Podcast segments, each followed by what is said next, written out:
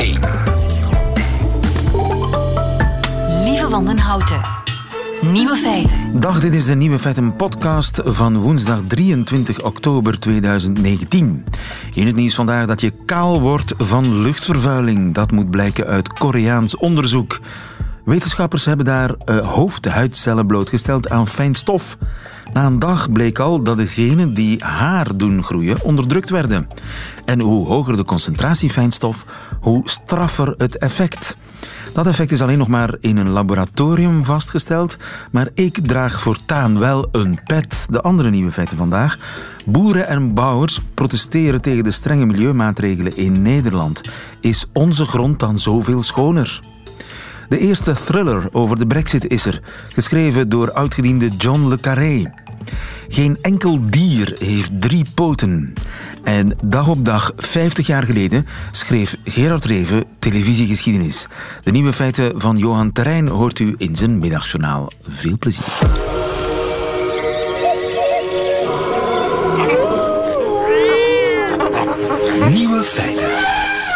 Waarom niet is soms een even interessante vraag als waarom wel, ook in de wetenschap. Bijvoorbeeld, waarom hebben dieren geen drie poten?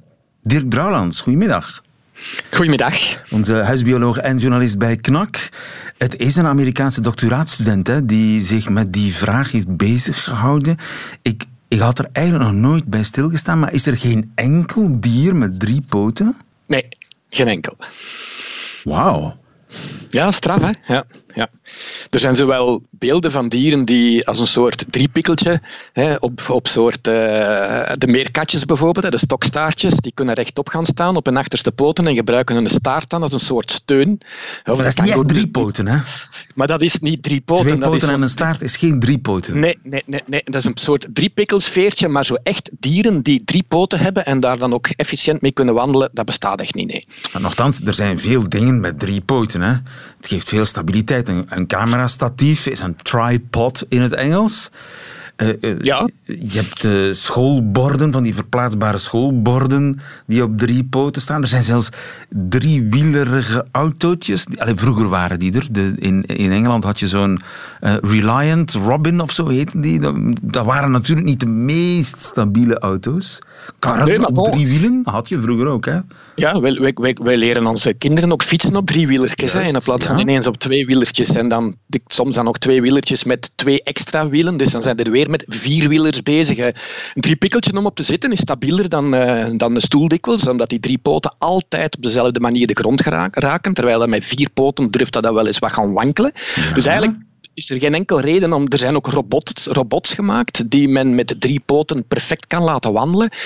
Dus het is soms raar om te zien en dikwijls zetten ze daar dan ook wieltjes bij, wat dat, wat dat gemakkelijker maakt en waar de natuur ook niet in geïnvesteerd heeft. Ah. En dan komen we tot de kern van de zaak. Waarom zijn er ook geen wielen in de dierenwereld? Omdat wij vanaf het begin met scharnieren zijn gaan werken voor onze gewrichten en niet met assen. Ja. Waarom zijn er geen driepotigen in de wereld? En noemt het grootste deel van de gewervelde dieren zitten die samen in een, een, een, een categorie die men de tetrapoda noemt, de vierpotigen. Dat is omdat de embryonale ontwikkeling vanaf het begin van meercellig leven ingezet heeft op symmetrie.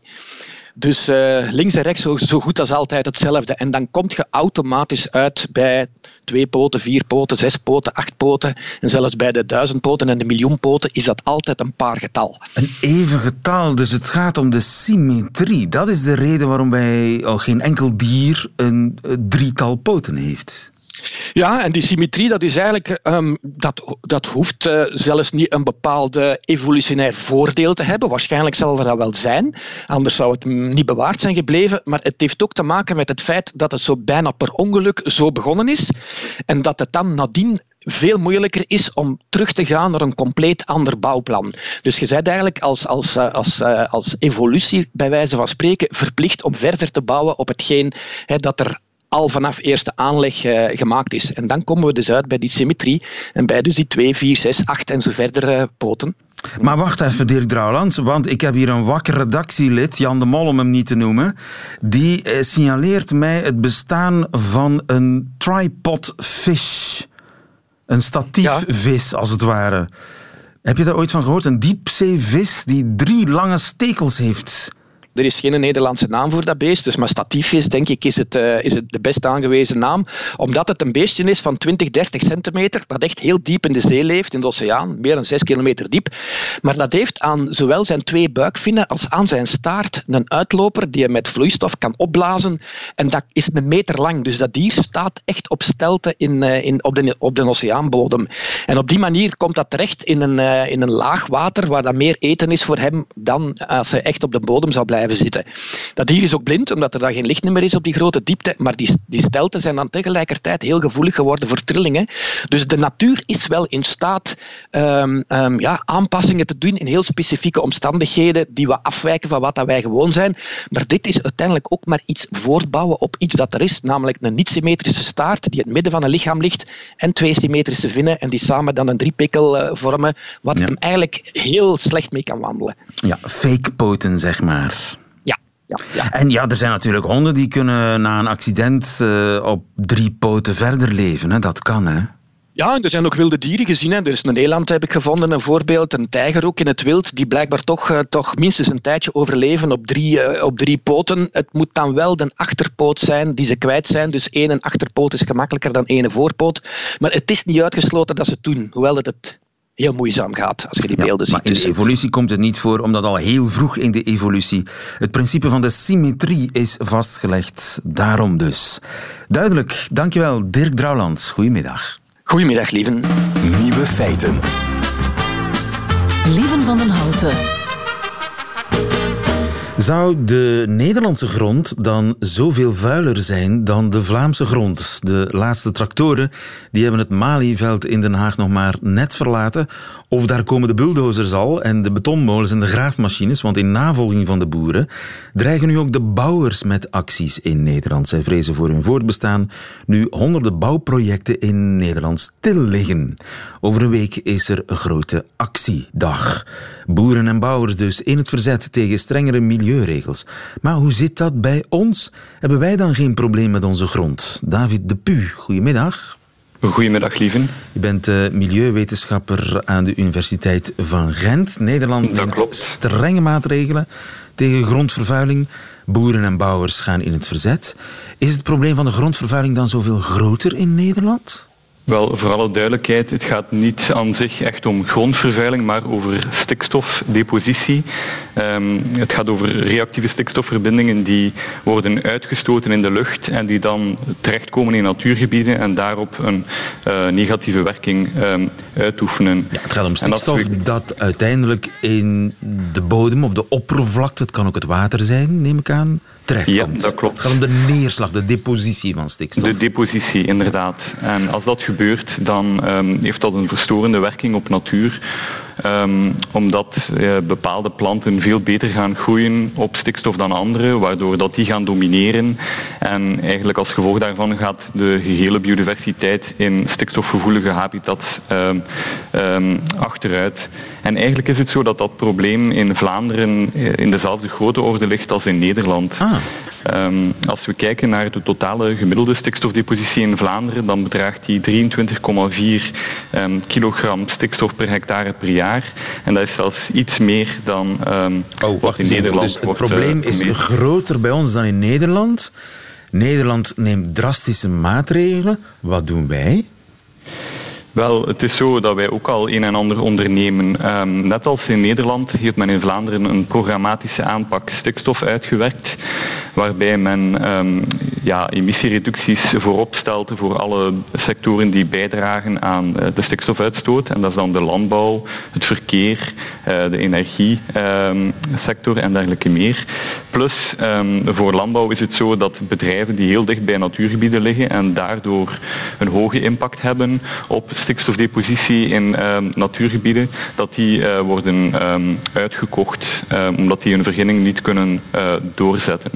En, en in Nederland... De, ja, in Nederland gaan ze toch veel in verder? In Nederland gaan ze veel verder, maar eigenlijk gingen ze... Um, minder ver. Ehm, het, het, het, vergaande beleid dat ze nu uh, doen heeft te maken met een uitspraak van de Nederlandse Raad van State. Die van oordeel was dat het, het stikstofbeleid die als dusdanig werd gevoerd in Nederland niet voldoende kon garanderen dat um, de Europese natuurdoelstellingen uh, zouden worden gevrijwaard. Dus de rechter heeft eigenlijk de politiek teruggefloten. De rechter heeft gezegd, jullie doen niet genoeg. Absoluut, dat is wat er gebeurd is. En als gevolg daarvan ligt quasi de hele vergunningsverlening in Nederland op slot. Um, en ja, als je weet dat heel veel activiteiten, heel veel menselijke activiteiten stikstof uitstoten, ja, dan zie je dat, het qua, ja, dat, dat de hele boel op slot gaat. Hè. Dus dat gaat over landbouw, maar dat gaat ook over uh, woonontwikkeling. Dat gaat de hele over, bouwsector. Uh, en de bouwsector heeft dan nog last van, van PFAS in de grond. Dat is een hele andere kwestie, maar dat heeft ook met grondvervuiling te maken. Daar ben ik nu uh, eerlijk gezegd niet van op de hoogte, dus daar kan ik u niks over ja. vertellen. Uh, maar de boeren, moeten we het wel bij de boeren gaan zoeken? Want stikstoffen produceren toch allemaal stikstof? We produceren allemaal stikstof, maar als je gaat gaan kijken naar de, de stikstofemissies binnen Vlaanderen, dan zie je dat, um, dat de landbouw wel een, een, een groot aandeel heeft. En dat is dat namelijk 49 procent. 47? 49 procent. dus de helft. Uh, bijna de helft, inderdaad. Terwijl verkeer voor 34 procent van de emissies uh, instaat. En uh, die, die landbouw, dat is dan door de bemesting dat, dat zij de grond ja, doordrenken met stikstof, bij wijze van spreken? Wel, ik geloof dat zo'n 80% van de Vlaamse stikstofuitstoot van landbouw van veeteelt komt. Um, en dat doet zich voor op verschillende momenten. Dus um, er zijn emissies uit de stallen, uit de mestopslagplaatsen en dan inderdaad ook bij het uitrijden van de mest. Ja, maar de grond van de zaak en de grond van mijn vraag is... Ja, Nederland doet nu heel drastisch wegens een uitspraak van de Raad van State. Een rechter heeft beslist, politiek doet niet genoeg. Uh, bij ons is die uitspraak er niet. De politiek is ermee bezig. Doen zij genoeg volgens u? Um, wel, het is zo dat de stikstofdepositie wel al um, gedaald is sinds 2000, maar de niveaus liggen nog altijd uh, hoog. Als je gaat kijken dat, uh, als je ziet dat, dat 82% van de natuur in Vlaanderen eigenlijk leidt onder een teveel aan stikstof, dan zie je wel dat er nog meer moet gebeuren. Maar goed, de beleidsplannen die er nu zijn, die zijn lopende en um, daar zit ook doorgaans wat vertraging op. Dus je kan eigenlijk nu nog niet um, ja, stellen of het voldoende zal zijn of niet. Maar ik kan wel al zeggen, als het de bedoeling is om in geen enkel natuurgebied uh, nog een overschrijding van de kritische belasting van stikstof te hebben, ja, dat we heel ver af zitten van, van die doelstelling en dat dat wellicht nog uh, bijkomende beleidsacties zal uh, vergen. Duidelijk. David de Pu, dankjewel. Goedemiddag. Graag gedaan. Goedemiddag. Dag. Nieuwe feiten. Het is vandaag, dag op dag, 50 jaar geleden. Een mijlpaal was het in de geschiedenis van de televisie, van de literatuur en van de homo-emancipatie. Op 23 oktober 1969 zendt de VPRO live vanuit een bomvolle kerk in Amsterdam een avondvullende show uit ter ere van Gerard Reven, laureaat van de Staatsprijs. Bijna twee uur duurt de bonte avond met op verzoek van Reven circusartiesten, een act met een papegaai, een fanfare, zangeres zonder naam, zong een liedje, vragen uit het publiek en natuurlijk de schrijver zelf, geïnterviewd door Hans Keller. Met het verschijnen van, uh, van je boek Op weg naar het einde heb je voor het eerst duidelijk je homofiele erotische gerichtheid openbaar gemaakt. Trouwens, kort daarvoor deed je dat al op een internationaal literatuurcongres in Edinburgh. Dat haalde toen de voorpagina's van praktisch alle Engelse kranten. Toen je dat deed, was je je toen bewust van het verzet dat die openbaarmaking zou wekken? Ik geloof het niet, althans niet volledig. Uh, een mens, de motieven van een mens zijn nooit zuiver en zijn nooit enkelvoudig. Maar ik geloof dat ik toen beseft heb dat de homofiele liefde een beslissende plaats innam en moest innemen in mijn leven en in mijn werk. En dat zonder dat mijn leven niet volledig en mijn werk niet voldragen zouden zijn. Ja, wat hè. Vijftig jaar geleden Gerard Reven live op de televisie vanuit de Vondelkerk in Amsterdam. Christophe Vekeman, goedemiddag. Goedemiddag. Ja, het is nogal wat. Hè? De hele uitzending is overigens te bekijken op de website van de VPRO. Het is vandaag moeilijk voor te stellen hè, hoe controversieel het allemaal was. Ja, en dat heeft natuurlijk te maken dat uh, Gerard Cornelis van het Reven, zoals hij toen nog heette, uh, in 1963 in dat boek dat Hans Keller vernoemt Op weg naar het einde, niet alleen uit de kast kwam als homoseksueel. Voorpagina nieuws, hè? Maar, ja, maar in Engelse nog, kranten. Maar ook nog eens als katholiek. Ja. En dat waren natuurlijk twee identiteiten die in der tijd als volstrekt onverenigbaar golden. Zeker wanneer je, zoals Reven, die twee ook nog eens op een weinig orthodoxe manier ging combineren. In Nader tot U, een boek uit 1966, voerde hij dan God op in de gedaante van een muisgrijze ezel, die drie keer achtereen door Reven zelf in zijn geheime opening bezeten werd. Daar zijn processen van gekomen. Reven heeft dat weliswaar gewonnen, maar je moet rekenen, dat proces vond dus plaats in 1967. Dat was heel kort geleden toen die PC-hoofdprijs aan Reven werd uitgereikt, uh, daar in 69 in die ja. Allerheiligste Hartkerk. Dus die uitreiking op zich was al controversieel. Dat die in die kerk plaatsvond, maakte het dubbel zo gewaagd. En Live dat, op televisie. En dat dat integraal werd uitgezonden. Ja, kijk, dat was toch een, een breekpunt in het literaire medialandschap, in die literaire mediacultuur. Ja, de schrijver als mediafiguur die een hele ja, maatschappij op sleeptouw kan nemen. Wel, het, het was natuurlijk niet nieuw dat een, dat een schrijver faam verwierf dankzij de televisie. Onder meer Godfried Bomans was Reven daar al lang en breed in voorgegaan. Maar het unieke bij Reven was dat hij dat televisieoptreden te baat nam om ja, verwarring te stichten, om te ontregelen, om bijvoorbeeld zichzelf te gaan profileren, om maar iets te noemen als een winkelier. Hij vergelijkt zichzelf op een bepaald moment met een wasmachineverkoper. Ja. ja ook dat werd bijna als blasfemisch beschouwd ten aanzien van het heilige schrijverschap. Ja, verwarring was natuurlijk de uh, name of his game. Mm -hmm. En uh, bijvoorbeeld over de paus deed hij deze verrassende uitspraak. De katholieke kerk is een heerlijke kerk, maar is ook en u hoeft hier alleen maar om u heen te kijken, is ook een poppenkast. En in een poppenkast moet je ook een Jan Klaassen hebben. En de functie van de Jan Klaassen, die vervult deze paus. Deze man doet wat van hem verlangd wordt. Hij zegent automobielen, uh, jachthonden, uh, bromfietsen. Hij ontvangt uh, deputaties van huisvrouwen. Hij ontvangt pelgrims die de laatste 25 kilometer met rauwe of gekookte erwten in hun schoenen gelopen hebben of achterwaarts gelopen hebben. En dan spreekt hij die mensen toe en dan zegt hij hoe het verderf uh, om zich heen grijpt in film, televisie en overal. En hoe de rokken van de dames maar steeds korter worden. En dat is heel goed dat hij dat zegt. Ik bedoel, dat is noodzakelijk. Hè? Dat is de voorzienigheid, die wil dat zo. En daar is iedereen tevreden mee. Maar er hoeft niemand zich maar ook iets van aan te trekken. Ja, luid gelach in de bomvolle Vondelkerk in Amsterdam. Uh, vandaag 50 jaar geleden, 23 oktober 1969. Ja, meent hij het of meent hij het niet? Dat, die, dat is, die vraag is blijven hangen tot op vandaag. Hè? Dat klopt inderdaad. Dat is die ondoorgrondelijke fameuze ironie van uh, Gerard Reven. Maar wat hij hier eigenlijk uitlokte, je hoort dat duidelijk, is een lach van bevrijding. En ik vind het geweldig spits van Gerard Reven. Dat hij eigenlijk de hypocrisie van de katholieke kerk niet als een verwijt gaat formuleren, maar eigenlijk gaat veredelen. als mijn mens, ik ben zelf opgegroeid met het idee die katholieken, dat zijn allemaal hypocrieten. Die zitten zaterdagavond op de buurvrouw. Die zitten zondagochtend in de kerk en zondagnamiddag in de kroeg. A volonté dubbele trappisten van Westmalle te drinken. Hoe kan dat nu? Wel, zegt Reven, die katholieke kerk die heeft eigenlijk als leer dat alle mensen zondig zijn. Dat je daar niet omheen kunt, dat dat bij het leven hoort en bij het mens zijn.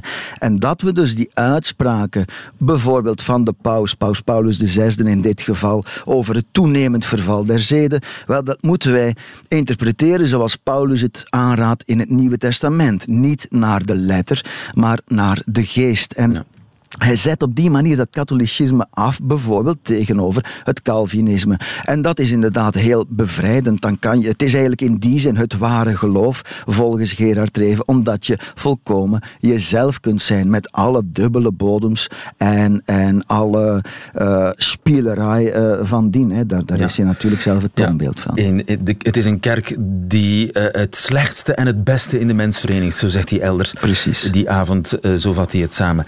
En in zijn slotwoord eh, komt hij terug op uh, het feit of hij het nu meent of mhm. niet. Dat misschien mensen anders zouden over mij kunnen denken... die altijd zeggen, of het vijanden zijn, weet ik niet... hij is een acteur, een charlatan, een comediant... hij is een clown. En tegen die mensen zou ik willen zeggen... ja, dat is waar. Ik ben een acteur, ik ben een comediant, ik ben een charlatan en een clown. Maar het krankzinnige is dat de rol die ik speel, dat ik dat ben.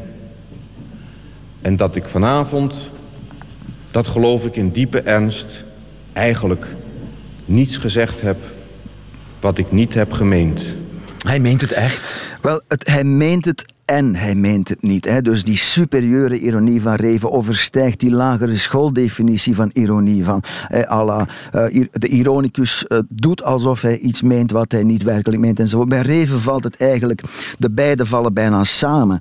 En wat hij hier het krankzinnige noemt van het een rol spelen, ja, ik denk dat dat juist een heel normale kwestie is. In elk geval een heel herkenbare kwestie voor heel veel mensen.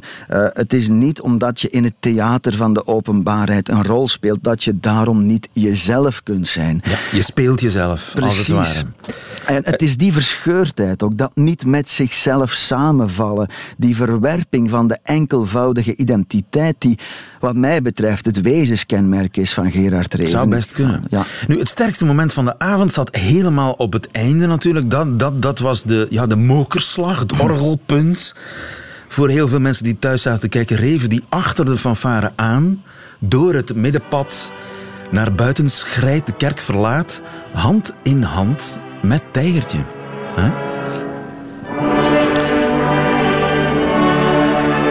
Was dat ook voor jou uh, het sterkste moment? Wel, ja, het tijgertje. Hè. Uh, wel, het is, het is in elk geval de kroon op het werk. Uh, en dat heeft veel te maken uh, met de een toneelverschijning van Tijgertje, die heel ingetogen, heel sereen, heel schuchter, uh, schuchter, een beetje een leptosome indruk maakt ook. Eigenlijk een uitstraling heeft van, uh, was ik maar bij moeder thuis gebleven. hè? En Reven die dat voor één keer natuurlijk zijn mond houdt en samen dat, dat hand in hand achter die, dat die jongeleurs en 1969. Precies, dat, is natuurlijk van een, van een sereniteit en een waardigheid die eigenlijk als puntje op de i zet van het was inderdaad allemaal gemeend. Het is oprecht. Hij heeft geen andere keuze, Gerard Reven, dan zoveel mogelijk te zijn wie hij nu eenmaal is. En ik denk dat dat voor de tegenstanders, de anti-homoseksuelen en dergelijke, je mag niet vergeten, daags nadien stond op de buitenmuren van die uh, Hartkerk uh, uh, het woord flikkerkerk gekalkt. ik denk dat dit einde het meest chockante was voor degene die er niet mee om konden. Nou, 50 jaar geleden vandaag.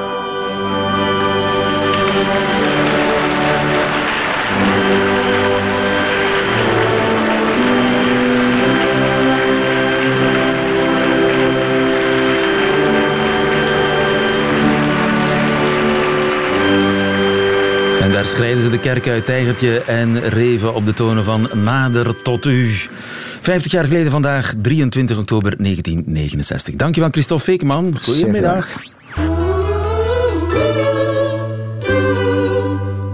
Nieuwe feiten. Beter dan Netflix, toch? De Brexit. Elke dag een nieuwe cruciale kwestie. Een onverwachte wending, een cliffhanger. Goede personages ook. Jeremy Corbyn. Die Rees-Mogg is toch geweldig. Burko natuurlijk. Order, order. En dan de gekke Johnson May. Als een soort van hardwerkende hark. Geboren acteurs allemaal. Kan geen fictie tegenop. Denk je. En toch... John le Carré, inmiddels 88, schreef een thriller over de brexit. John Vervoort, goedemiddag. Goedemiddag. Jij recenseert uh, thrillers voor de standaard. Vaak, ja. Is het niet een beetje vroeg? We weten nog niet eens hoe het in werkelijkheid afloopt met de brexit. Wel, ik moet Alles kan nog. Ik moet eerlijk toegeven, toen ik uh, de recensie zat te schrijven, uh, dacht ik van, uh, moest ik er een einde aan brouwen? En ik dacht van, hoe ga ik dat nu doen? Want waarschijnlijk, als het normaal gezien verschijnt het artikel vrijdag, als ik dat, en ik heb het eergisteren geschreven, denk ik, van misschien zijn er alweer al verwikkelingen of andere zaken die aan de hand zijn. En dan is Voor mijn is dat boek, ja, je recensie gedateerd, ja, maar het boek ook. Ja. Of mijn, of de conclusie. Nee, het boek is niet gedateerd. Hij, uh, John Carré situeert het boek in 2018. Uh, want hij verwijst... Uh, het is een momentopname. Ja, het is een momentopname. Um, en er zit natuurlijk een verhaal in. Uh, maar hij verwijst uh, naar die gekke minister van Buitenlandse Zaken... die dan nu premier is geworden. Toen uh, was maar toen was die man Zaken, een Johnson? zeer incapabele minister van Buitenlandse Zaken. Hij schrijft het letterlijk, of hij laat een van zijn personages dat letterlijk zeggen. Het is een anti-Brexit boek? Absoluut. Ik heb uh, John le Carré, ik volg zijn carrière toch al lang, ik heb uh, John le Carré zelden zo kwaad geweten moet ik eerlijk toegeven. Uh, toen hij zijn, boeken, zijn beroemde boeken schreef over de uh, Koude Oorlogperiode, smiley-boeken en zo, toen was hij nog genuanceerd. En uh, toen dacht je van oké, okay, we zitten met twee kanten. De, het is een verlammende aanklacht. Absoluut. Tegen? ja, tegen de onvoorstelbare manier waarop wij, burgers in de Europese Unie, en dan natuurlijk vooral de mensen in Groot-Brittannië, worden behandeld door de politici.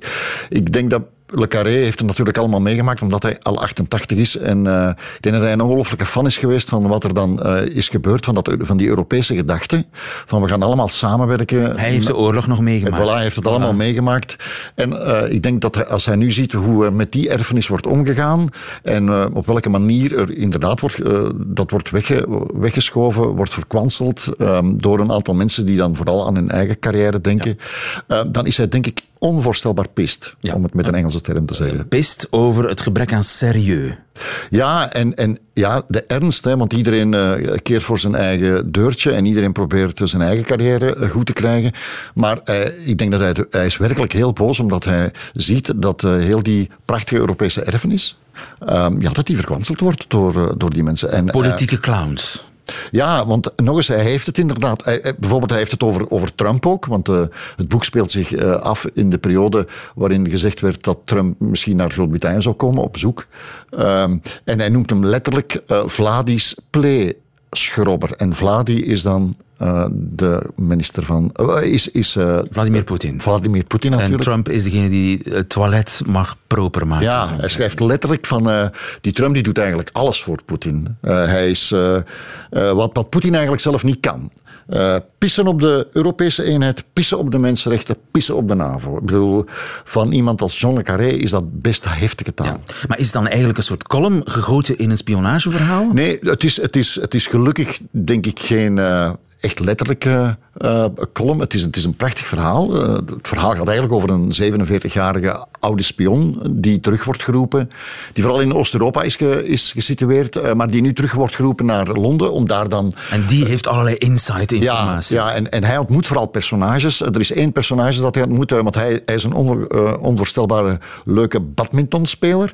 En op de club, waar hij nog altijd kampioen is, ontmoet hij een, een jongere man en zij hebben onvoorstelbare discussies over Poetin, over Oost-Europa, over de NAVO, over de Brexit, over en, Trump. Uh, is er aanleiding om te geloven dat John le Carré betere informatie heeft dan iemand die gewoon de krant leest? Heeft hij inside informatie die een ander niet nee, ik heeft? denk, voor zover ik dat heb kunnen achterhalen, niet. Maar ik denk, ik denk dat het echt geschreven is vanuit een soort woede.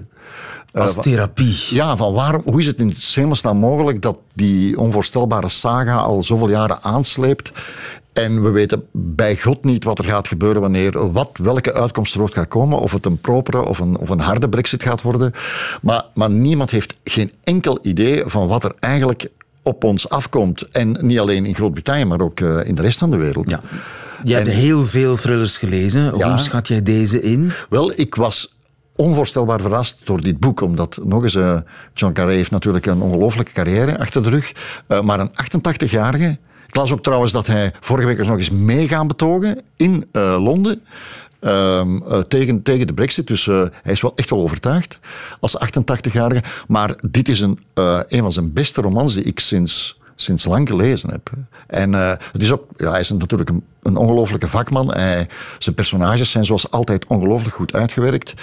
maar die felheid, die heb ik... dat is lang geleden dat, dat ik dan nog, nog een boek gelezen heb van een man die zo fel is tegen wat er in de wereld op dit moment uh, zich aan het uh, afspelen is. Het enige wat we nog niet gezegd hebben is de titel. Wel, de titel is Spion buiten dienst. Spion buiten dienst. Agent van... Running Through the Field heet het boek het, in het Engels. Uh, de eerste thriller over de brexit is een feit dankzij John Le Carré. Dankjewel, John. Vervoerd. Graag gedaan. Goedemiddag.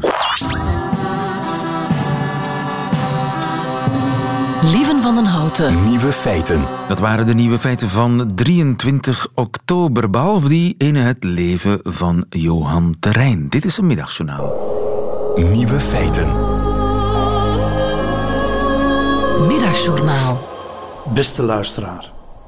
Toen ik op een avond mijn auto parkeerde in Brussel, zag ik het van ver aankomen. Het, dat is het meisje. Ik ging uit eten met een goede vriend en zijn vrouw die in blijde verwachting is. Ik liep naar de parkeerautomaat en het meisje kwam van de andere kant. Blond. Ik schat ze begin de twintig. Ze droeg een fleurig jurkje. Ik zocht mijn bankkaart en stak ze in de automaat. Het ding reageerde niet op mijn kaart. Het kan als een belediging aanvoelen als iemand je geld weigert. In dit geval werd ik dus beledigd door een automaat. Ik moest toch maar 2 euro betalen voor de resterende parkeeruren van de dag. Ik haalde mijn kaart zenuwachtig in en uit, telkens opnieuw. Het meisje stond intussen achter mijn rug te wachten. Beste luisteraar, als er iets niet naar behoren werkt en er staat een meisje in een fleurig jurkje achter je te wachten, dan kan je als man een waas voor je ogen krijgen. Alsof je onderbewustzijn een soort van kinderverzorgster is die wat vaseline over je ooglens smeert en zegt: Zo zal het beter gaan. Niks beter. Ik zie verdomme niks. En er staat een meisje in een fleurig jurkje achter mij te wachten. Die vaseline helpt niet. Ik draaide me onhandig om en zei haar: Het werkt niet. Terwijl ik blindelings klein geld zocht, liet ik haar alvast haar parkeerbeurt betalen. Nog in mijn vestzak nog in mijn broekzak vond ik muntgeld en daar besloot ik een korte, ingehouden vloek aan toe te voegen. Toen zei het meisje in haar beste Nederlands: Hier is 2 euro. Zo moeilijk is dat natuurlijk niet in het Nederlands, maar ik was toch gecharmeerd door haar royale inspanning. Normaal zou ik meteen uit hoffelijkheid overschakelen op Frans, maar om de een of andere reden lukt zoiets mij niet met vaseline in mijn ogen. Het leek wel of de passé simple plots was veranderd in een imparfait. Ik zei dat ik niet kon wisselen. Ze zei dat dat niet hoefde. Ik stond perplex. Even vond ik het heel lastig om twee euro van een jong meisje in een fleurig jurkje aan te nemen. Maar ze lachte en zei: Het is oké, ik heb het niet nodig en u wel. Ik wilde haar de belediging besparen van iemand die je geld weigert, dus ik bedankte haar stamelend en ze vertrok. Het is een meisje, zei mijn vriend later op de avond in hetzelfde Brussel. En hij vroeg mij of ik het peterschap van zijn dochter wilde opnemen. Ik was ontroerd, aanvaarde fier deze eervolle taak en besloot mijn ongeboren peetdochter zo snel als mogelijk een fleurig jurkje te kopen. Omdat ik weer had mogen ervaren dat de wereld gewoon minder vloekt als er weer iets niet naar behoren werkt, wanneer er meisjes in fleurige jurkjes in de buurt zijn. Laat ze de wereld regelen en regeren.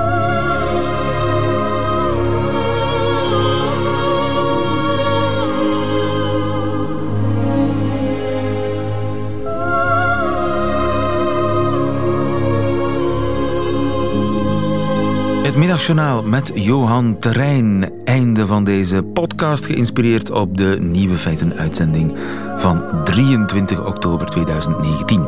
Hoort u liever die volledige uitzending met muziek erbij? Dan kunt u natuurlijk terecht op onze app of op onze site. Daar vindt u ook hele andere en ook hele fijne podcasts, net zoals op Spotify bijvoorbeeld. Tot nog een keer.